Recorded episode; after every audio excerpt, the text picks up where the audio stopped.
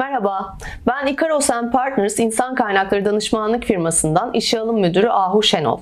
Headhunter Zone adını verdiğimiz yeni video serimizin ilk bölümüyle sizlerleyim. Her bölümde farklı bir konuyu ele alacağımız bu seride kararsız aday ve şirketlerden kariyer hatalarına, geleceğin mesleklerinden mülakatta etkileme tekniklerine kadar pek çok farklı konuyu ele alacağız. Serimizin birinci bölümünde konumuz kararsız aday ve şirketler.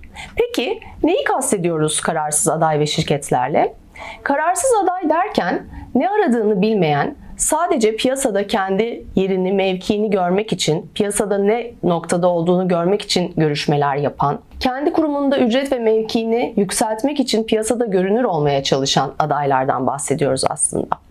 Kararsız şirketler derkense rolden beklentisini net tanımlayamayan, adaya göre yol almaya çalışan, kararsız ya da geç karar alan, kararı sadece adayın ücret beklentisine göre belirlemeye çalışan şirketlerden bahsediyoruz. Bu kararsızlık tabii ki hayatımızda yeni değil. Ancak son dönemde daha da tetiklendi. Yaşadığımız belirsizliklerin rolü büyük oldu.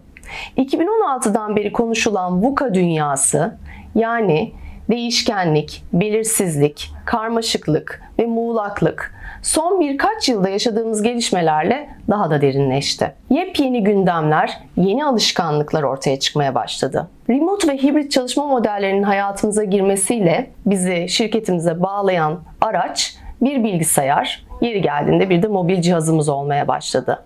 E bu noktada da tabii ki insan temasının azalmasıyla bağlılık kavramını sorgulamaya başladık. Dirsek dirseğe temasın olmadığı noktada ağırlıklı kendi içimizden güç aldığımız yetkinlikler ortaya çıkmaya başladı. Belirsizlikle başa çıkabilme, değişim cesareti, duygusal dayanıklılık gibi yetkinlikler bizim hayatımızda önemli rol oynamaya başladı. Tüm bunlar neticesinde adaylar daha çok değişime açık hale gelmeye, daha kolay iş değiştirir hale gelmeye başladı. Öte yandan şirketler de arayışlarında değişken kriterlere bakmaya, adaylara göre hareket alanı belirlemeye, karar vermeye çalıştılar. Pek çok değişken söz konusuyken de karar vermek iyice zorlaştı. Peki böyle durumlarda daha doğru ilerleyebilmek adına ne yapılabilir?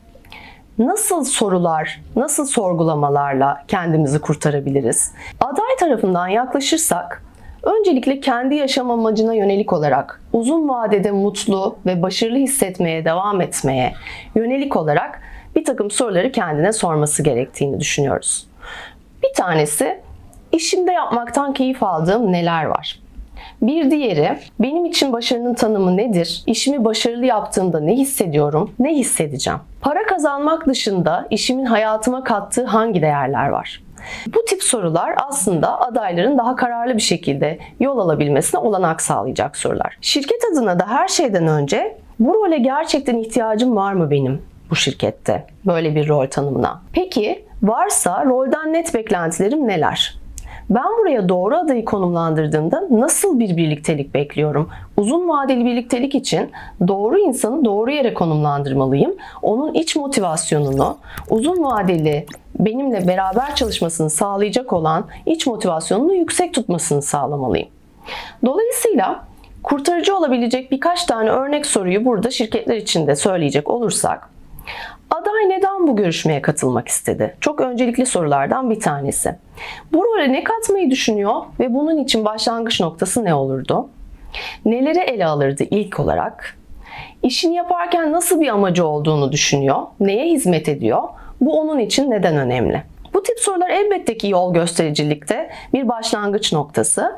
Aday ve şirket birlikteliği çok uzun dönemde ara ara ele alınması gereken, gözetilmesi gereken, çaba gösterilmesi gereken bir süreç. Her ilişki biçiminde olduğu gibi.